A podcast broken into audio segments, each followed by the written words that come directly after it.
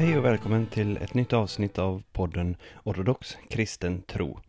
Jag som pratar är fader Mikael Fälthammar och jag är präst i Kristi uppståndelses ortodoxa församling i Göteborg som du hittar på www.kristiuppstandelse.se och vi hör till Antiochias ortodoxa kyrka i Sverige.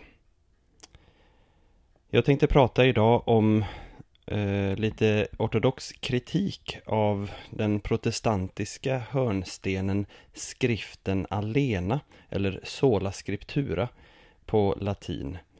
Eh, och, eh, men innan jag kommer till ämnet så ska jag eh, säga att eh, du som tycker om den här podden, du får gärna skänka en gåva till vår församling i Göteborg. Det gör du enklast på Swish. Eh, och då är det Swish nummer 123 278 8099 som du kan skänka gåva. Och eh, vår församlings arbete är helt och hållet beroende av människors frivilliga och regelbundna gåvor. Så tack för att du ger. Det är också så att den här podden är sponsrad av bokförlaget Artos som du hittar på www.artos.se. Och jag brukar rekommendera en bok varje avsnitt och idag eftersom jag ska prata om Bibeln och Bibelns plats i ortodoxa kyrkan och missbruk av bibelsyn i andra sammanhang så tänkte jag att jag skulle rekommendera boken Svenskt patristiskt bibliotek band 4 som heter just Bibel och predikan.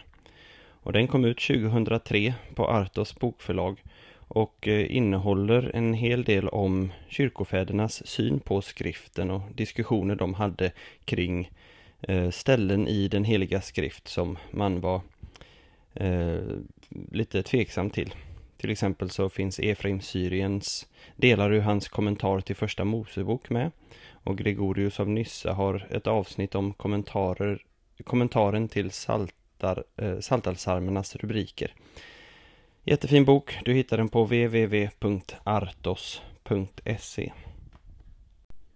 Ja, som sagt, jag skulle prata lite om skriften alena. Och jag har inte pratat så väldigt mycket om Bibeln specifikt i den här podden. Jag har ett avsnitt tidigt i poddens historia som handlar just om hur vi ortodoxa läser och förhåller oss till Bibeln. Jag kommer att avsluta det här avsnittet lite på samma tema ehm, och tala också om auktoritet i vår tradition eh, lite mer generellt. Men temat skriften alena, det är högintressant och eh, synnerligen relevant eftersom vi ju befinner oss i ett protestantiskt land sedan 500 år tillbaka. Eh, och eh, därför så är det viktigt att också studera och förstå lite grann just den protestantiska kristenhetens stora grundfundament, skriften alena. Och det första man kan säga där är att eh, den här reformatoriska grundläran är ytterligare ett exempel på hur reformationen och romersk katolicism hänger intimt samman. Jag har sagt detta i, med anledning av något annat tema som jag har pratat om, jag tror det var om försoningslära. Så ser vi hur skriften alena växer fram mycket bundet av historiska sin historiska kontext och historiska faktorer. Delvis det framväxande anspråket på auktoritet inom, eller hos påvedömet, men också tryckpressens, att man eh, uppfann tryckpressen och, och så vidare och gjorde Bibeln tillgänglig till allt fler läsare. Um, ja, den påvliga auktoriteten då. I Rom så är all kyrklig auktoritet förlagd i magisteriet och det är förkroppsligat i påven som Kristi vikarie. Och påven är genom dogmen om påvens ofelbarhet den yttersta auktoriteten om vad den romersk-katolska kyrkan tror. Och den här tanken den förkastas ju som sagt lika mycket av lutheraner som av oss ortodoxa. Och eh, lutheranerna, eller eh, reformatorerna, de gjorde uppror mot det här och protesterade mot eh, påvens eh, auktoritet och magisteriets auktoritet. Men eftersom reformatorerna inte befann sig i en situation där man bevarat en obruten apostolisk tradition så var det i det närmaste omöjligt för dem att utröna hur man skulle kunna tala auktoritativt om tron. Från vårt ortodoxa perspektiv så hade ju Rom gått sin egen väg och gått vilse sedan tusentalet då de skilde sig från de andra fyra ortodoxa kyrkorna. Och man hade utvecklat egna läror och egna egenheter som inte stämde överens med den apostoliska tron som finns bevarad i ortodoxa kyrkan. Alltså hade reformatorerna, de, de hade den medeltidens romersk-katolska kyrka att jämföra sig med eller förhålla sig till och kände knappast till de ortodoxa. Ehm, och därför gjorde de vad de själva ansåg bäst inför de här nymodiga katolska läroinnovationerna. De ersatte helt enkelt påvens auktoritet alena med Bibelns auktoritet alena. Och det är därför som Sjomjakov Eh, kallade ehm, på, romerskatolikerna romersk-katolikerna och protestanterna för två sidor på samma mynt. Den ena har påven som den enda auktoriteten, eller högsta i alla fall, och eh, de andra har skriften som enda auktoriteten. Men man känner bara till det sättet att förhålla sig till eh, auktoritet. Att det ska vara förkroppsligat i en enda instans så att säga. Och eh, ur detta så kommer då skriften alena som en reaktion mot påven alena. Och detta förhållningssätt det exemplifieras av reformatorn Martin Luther vid fördraget i Worms 1521 då han anklagades för att bryta med både påven och konciliernas lära. Och då svarade han så här. I frågor som rör tro menar jag att varken påve eller någon annan människa har makt över mitt samvete. Där de är oense med skriften förnekar jag påven, koncilierna och allt. En enkel lekman, väpnad med skriften, är större än den mäktigaste påve utan skriften. I detta citat framstår, förutom Luthers och reformatorernas generella ståndpunkt, även deras misstag och svagheten i argumentationen. Luther sätter uttalat sitt eget samvete som främsta auktoritet för trosfrågor, vilket faktiskt visar på ett förnuftets högmod hos honom. Han säger eh, inte någon annan människa har makt över mitt samvete. Och han beväpnar också varje så att säga enkel lekman med samma högfärdiga förfarande eftersom han de facto gör varje enkel lekman till sin egen tros främsta auktoritet. Ja, sin egen påve om man vill vara lite tillspetsad. Och frukten av detta är all den sekterism och schattering som vi ser idag inom protestantismen och som vi har sett inom hela protestantismens historia. Detta är ett faktum som jag aldrig har hört någon eh, protestant riktigt besvara på ett bra sätt, även om jag har haft många långa och givande, milda diskussioner med eh, många vänner om det. I den magisterala reformationen, alltså den första delen av reformationen, så vill man placera skriften över andra källor till auktoritet utan att nödvändigtvis kasta ut barnet med badvattnet så att säga. Men det dröjde dock inte länge innan protestanter drog skriften alena till sin logiska spets, vilket vi ser i den mer radikala reformationen och dess barn, bibelfundamentalismen. Många, de flesta frikyrkorna är ju barn idag av den radikala reformationen, pingströrelsen, baptistkyrkan och så vidare. Den helige Rafael av Brooklyn, han skriver i sin avhandling om den heliga traditionen och skriver om denna tragiska utveckling hos eh, inom protestantismen med följande ord. Protestanterna, som förkastar alla traditioner och kyrkliga förordningar, underordnar sig skriften som den kristna trons enda auktoritet. Samtidigt tolkar var och en av dem skriften ytligt, utan den heliga traditionen, och grundar därför sin religiösa övertygelse på sitt individuella samvete. Och där kopplar han samman då till vad Martin Luther sa om att just hans samvete är det som står i främsta rummet när det gäller auktoritet och tolkning av skriften. Så, den främsta och viktigaste kritiken av skriften alena är att den gör varje läsare till högsta auktoritet. Och det är just som sagt vad protestantismens historia vittnar om. Med alla olika samfund som ploppar upp hit och dit eh, på grund av minsta lilla strid eh, över vad ett skriftställe skulle betyda. Och responsen på denna splittring och schattering har varit mångfaldig inom protestantismen. Antingen så har den varit att man tillåter allsköns olika tolkningar så att gränsen för vad kristen tro egentligen är helt suddas ut. Eller att man tar en mycket strikt bokstavlig tolkning av skriftordet.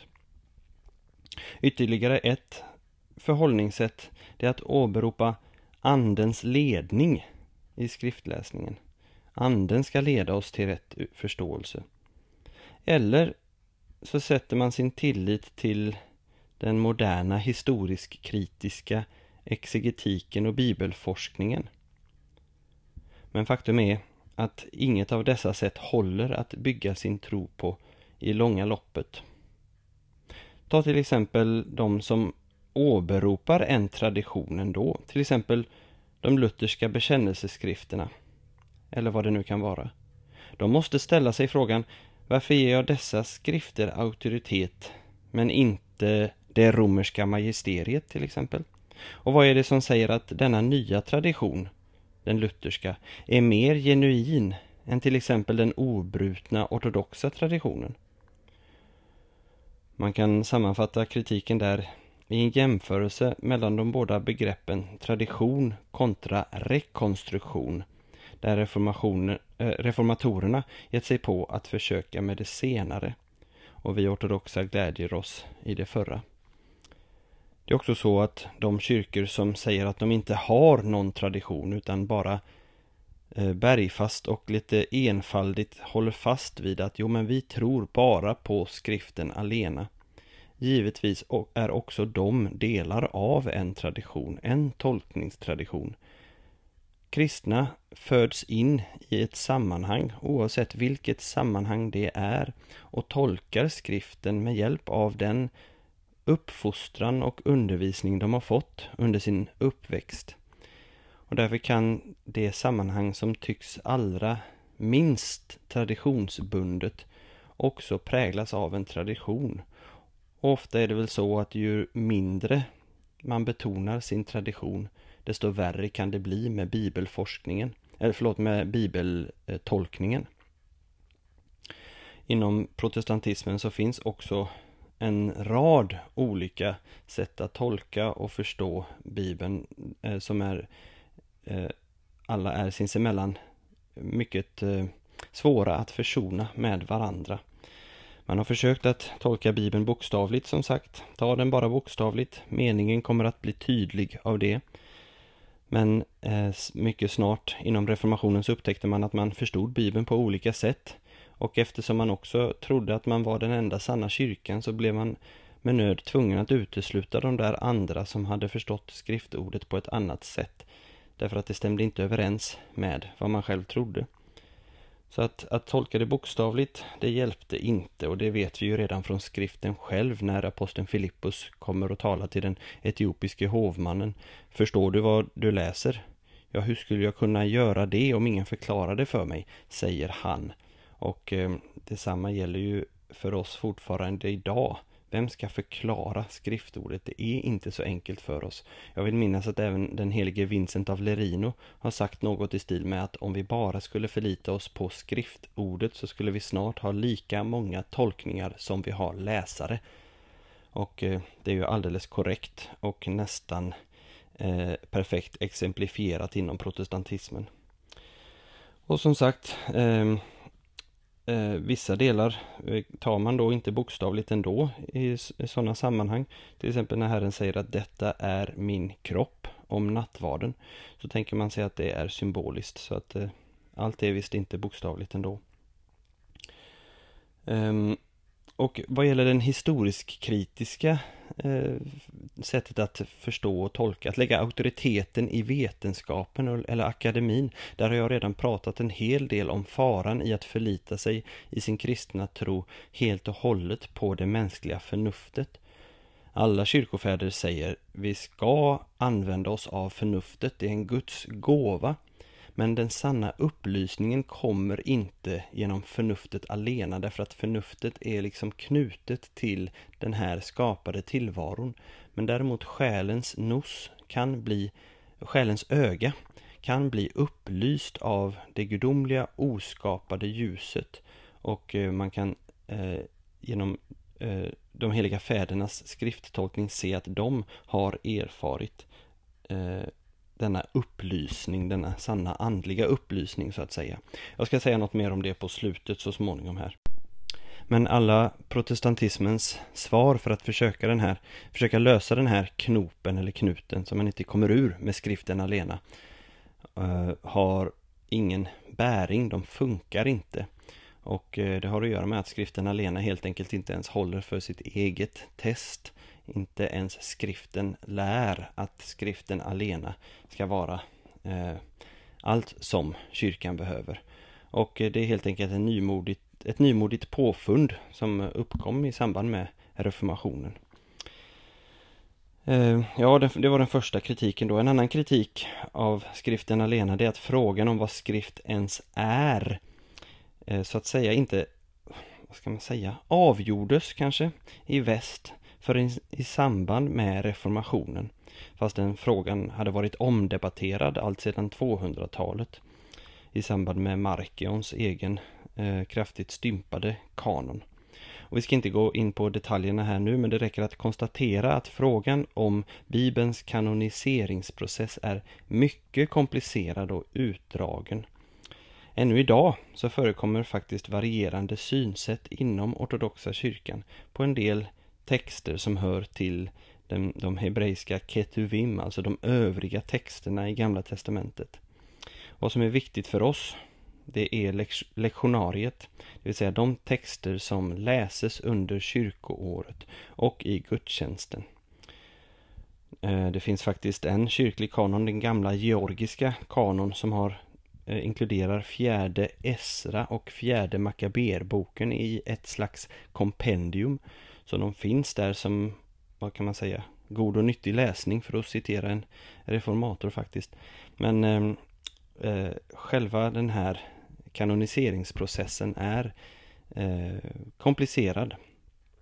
Och det hänger samman med att skriften alena har aldrig varit kyrkans ledord utan det är den heliga ande som ska lära kyrkan och undervisa kyrkan i allt. Och eh, den heliga andes undervisning har konkretiserats bland annat i den heliga skrift eh, som vi vördar och älskar i vår tradition. Men jag får eh, återkomma till det strax. Eh, jag kan dock säga att det är värt att notera att vi inte erkänner Bibelns kanon på grund av den, vad ska man säga, urbana legenden att konciliet i Nicea under inflytande av kejsar Konstantin bestämde vilka böcker som skulle ingå, eller att någon auktoritativ biskop beslutat antal bibelböcker, som till exempel i den heliga Athanasius den stores 39 påskbrev. Nej, Nya testamentets böcker har cirkulerats i samlad form i kyrkan sedan urminnes tider Redan på 150-talet har de fyra evangelierna samlats i städer som Rom och Antiochia och buntats ihop som en helhet där rivaliserande evangelier har exkluderats som icke-apostoliska. Man har också eh, bred enighet om att Paulus brev samlats ihop i egna kodex, alltså böcker, omkring år 100 och cirkulerats så snarare än som enskilda brev. Merparten av det apostoliska vittnesbördet finns alltså samlat och cirkulerat mycket tidigt i kyrkans historia. Vilket av oss betraktas som inget mindre än den helige Andes verk och gåva. Till detta kommer det faktum att kyrkan ju faktiskt levde minst 30 år utan Nya Testamentet, det vi idag kallar Nya Testamentet, och klarade sig utmärkt med Gamla Testamentet och dess vittnesbörd om Kristus. Under denna tid så leddes de av apostlarna och deras apostoliska vittnesbörd. Eh, helige Johannes evangelisten, han skriver i sitt första brev den första versen i första kapitlet. Det som var till från begynnelsen, det vi har hört, det vi har sett med egna ögon, det vi har skådat och har tagit på med våra händer, det är vårt ärende, livets ord. Och detta skrevs sedan ner allt eftersom apostlarna dog, som den helige Ireneus vittnar om. Apostolisk tro först, skrift sedan, alltså. Och en tredje kritik mot sola scriptura, skriften alena, det är att den inte håller för eget test. Ingenstans lär Bibeln att den själv är ensam auktoritet. Dock att skriften har en mycket ärofull och vördnadsvärd plats i kyrkan. Till exempel i Andra Timoteusbrevet 3.16. Här kan man säga att protestanter brukar invända och säga att jo, Skriften betraktar sig själv visst som enda auktoritet. Men jag måste säga att det är samma misstag som man gör som katolik om man säger att jo, kyrkofäderna såg visst Petrus som Kristi ställföreträdare och påven av Rom som den främste av alla biskopar. Nej, man läser fel. Påven av Rom hade en äroposition som den främste, eh, men en, eh, den främste bland jämlikar i ett kollegium av biskopar. Eh, och inte som den främste över de andra biskoparna som det sen kom att utvecklas till. Samma med skriften alltså. Skriften talar högt om sig själv eh, men den säger aldrig att skriften alena är en kristen sund lära. Och det vet vi ju också. Ser man på kyrkohistorien så, och hör Herrens ord på frukten känner man trädet så ser vi frukten av skriften alena har varit katastrofal. Inte bara i splittringar utan med splittringarna har kommit också oförmågan att vittna om Kristus. Ehm, och sen e-, e-, eftersom man är splittrad så följer det då av att eh, man inte kan vittna om ehm, Kristus och evangeliet. Och sen också i att eh, sekulariseringen har tagit eh, enorm fart genom den individualisering och relativism som kom med den protestantiska bibelförståelsen. Så Bibeln talar högt om sig själv och eh, om skriften Kyrkan vörde, ortodoxa kyrkan vördar skriften mycket högt, men aldrig någonsin säger hon skriften alena, varken skriften själv eller ortodoxa kyrkan. Tvärtom så lär skriften ironiskt nog att det är kyrkan som är sanningens pelare och grundval. Om man slår upp första Timoteusbrevet 3 och 15 så står det så. Och Thessalonikerna uppmanas av den gudomlige aposteln att inte bara hålla fast vid det skrivna ordet utan säger håll er till de läror som vi har fört vidare till er muntligen eller i brev. Andra eh, Thessalonikerbrevet 2.15 Ordet Paulus använder här är paradoseis, det vill säga traditioner. Eh, håll er till de traditioner som vi har fört vidare till er, muntligen eller i brev. Men de protestantiska översättarna har eh, gärna det mer protestantiskt klingande läror, undervisning och lärdomar.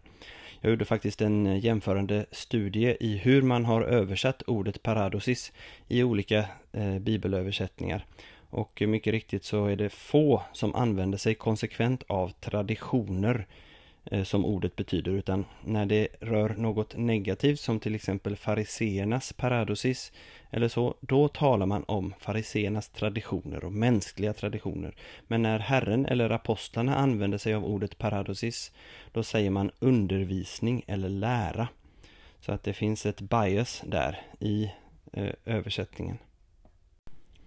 Ja, jag kan inte bara sitta här och klanka ner på eh, skriften alena som dogm. Eh, jag hoppas att alla som lyssnar inser eh, hur eh, orimlig den är att hålla. Och jag vill också ändå säga att det finns, ett, eh, det finns hopp för auktoritet i kyrkan. Kanske kommer det som en överraskning att ortodoxa kyrkans grund för sin lära och sin auktoritet är grundad i den helige ande. Herren säger, när han kommer, sanningens ande, så ska han vägleda er med hela sanningen. Johannes 16.13. Och sanningen för oss, det är inte en abstrakt teori, utan det är en person, det inkarnerade ordet Jesus Kristus, och det är denne helige ande som verkar allt liv i Kristi kropp, det vill säga kyrkan, som Paulus som sagt kallar för sanningens pelare och grundval. Och denna sanning kommer oss till del då, som jag nämnde tidigare, inte som, ett, eh, som en yttre grej genom långa studier, utan genom att vi eh, blir upplysta inifrån av det oskapade ljuset av denna eh, eh, Kristus som lyser inom oss, i våra själar, i våra hjärtan. Och det är den heliga Andes liv, det är vad vi kallar med ett annat ord för den heliga traditionen. En ortodox författare har uttryckt det med orden traditionen är den helige Andes liv i kyrkans historia. Och eftersom Anden är livgivaren så uppenbaras detta heliga liv på en mångfald olika sätt i kyrkan. Och ett av de främsta sätten är den heliga skrift, Bibeln, som vi givetvis vördar högt man brukar säga det att kyrkofäderna och deras teologi, det är bibelteologi. De grundar alltihopa de säger på skriften och använder skriften flitigt. Men de gör det med kyrkan och Kristus eh, tolkningsnyckel. Trosregeln som helige Ireneus talar om. Inte sitt eget samvete som Luther talade om. Eller subjekt som det senare kom att bli. Eh, det är inte bara Bibeln som det där livet tar sig konkret uttryck i, utan även de ekumeniska konciliernas dogmatiska beslut. Det tar sig uttryck hos de heliga fäderna, i liturgin, i hymnografin och ikonografin och så vidare. Eh, så en mycket stor del av denna sanningens gåva från den heliga Ande blir vi alltså delaktiga av genom tillbedjan snarare än studium. Ehm, vilket då alltså medför att människans förnuft inte är hennes främsta receptor eller mottagare för Guds uppenbarelse, utan ett av flera.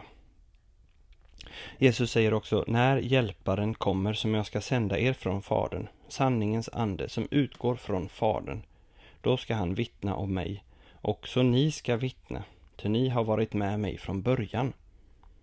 Detta är Johannes kapitel 15, vers 26 till 27. Så å ena sidan så vittnar den heliga ande om sanningen. Å andra sidan ska också de heliga apostlarna vittna, det vill säga det vittnesmål vi har i Nya testamentet. Lukas skriver om detta Många har redan sökt ge en samlad skildring av de stora händelser som ägt rum ibland oss, så som de har berättats, ordagrant traderats, för oss av dem som från första stund var ögonvittnen och blev ordets tjänare. Detta hittar du i Lukas första kapitel, vers 1 och 2. Så när Kristus i Johannes 15 åberopar dessa båda vittnen knyter han an till en princip från lagen. I femte Mosebok kapitel 19, vers 5 så står det För att en sak skall avgöras måste två eller tre personer vittna. Och för att dessa båda vittnens vittnesmål ska gälla måste de också vara identiska. Om de inte stämmer överens med varandra avvisas det. Det är till exempel därför som Stora rådet, Sanhedrin, har svårt att finna giltigt vittnesmål mot Kristus natten före hans lidande. Kyrkan erkänner att den helige Ande och apostlarnas vittnesbörd stämmer överens med varandra och hon har avfärdat alla vittnesbörd som går utanför den apostoliska traditionen. Så som till exempel de gnostiska pseudoevangelierna till exempel. Kunskap om Gud och hans vilja, det som ska vara vägledande för kyrkan och kyrkans auktoritet, det når vi inte genom externt studium av eh, diverse uppenbarelser, vare sig man begränsar dem till skriften alena eller inkluderar ett läroämbete. Kunskap om Gud och hans vilja når vi genom erfarenhet av honom och kontakt och samverkan med honom i våra liv. Så här spelar alltså även vår förståelse av frälsningen roll, det som vi kallar för gudomliggörelsen. Det spelar roll för vår syn på epistemologin, alltså kunskapsteorin. Så erfarenheten av Gud sker i en människas liv, men den sker i kyrkans gemenskap och under kyrkans ledning, i lydnad och i underordning. Annars så springer den här uppenbarelsen och erfarenheten iväg i sådana avarter som vi kan se i vissa pingstsammanhang till exempel, där jag har hört människor komma och säga att man har fått en uppenbarelse från Gud. En uppenbarelse som grundar sig en, enbart på den här människans personliga eller subjektiva erfarenhet och som i vissa fall också kan gå tvärs emot vad skriften lär. Så så mycket för skriften alena. I själva verket är det alltså fråga om subjektet alena.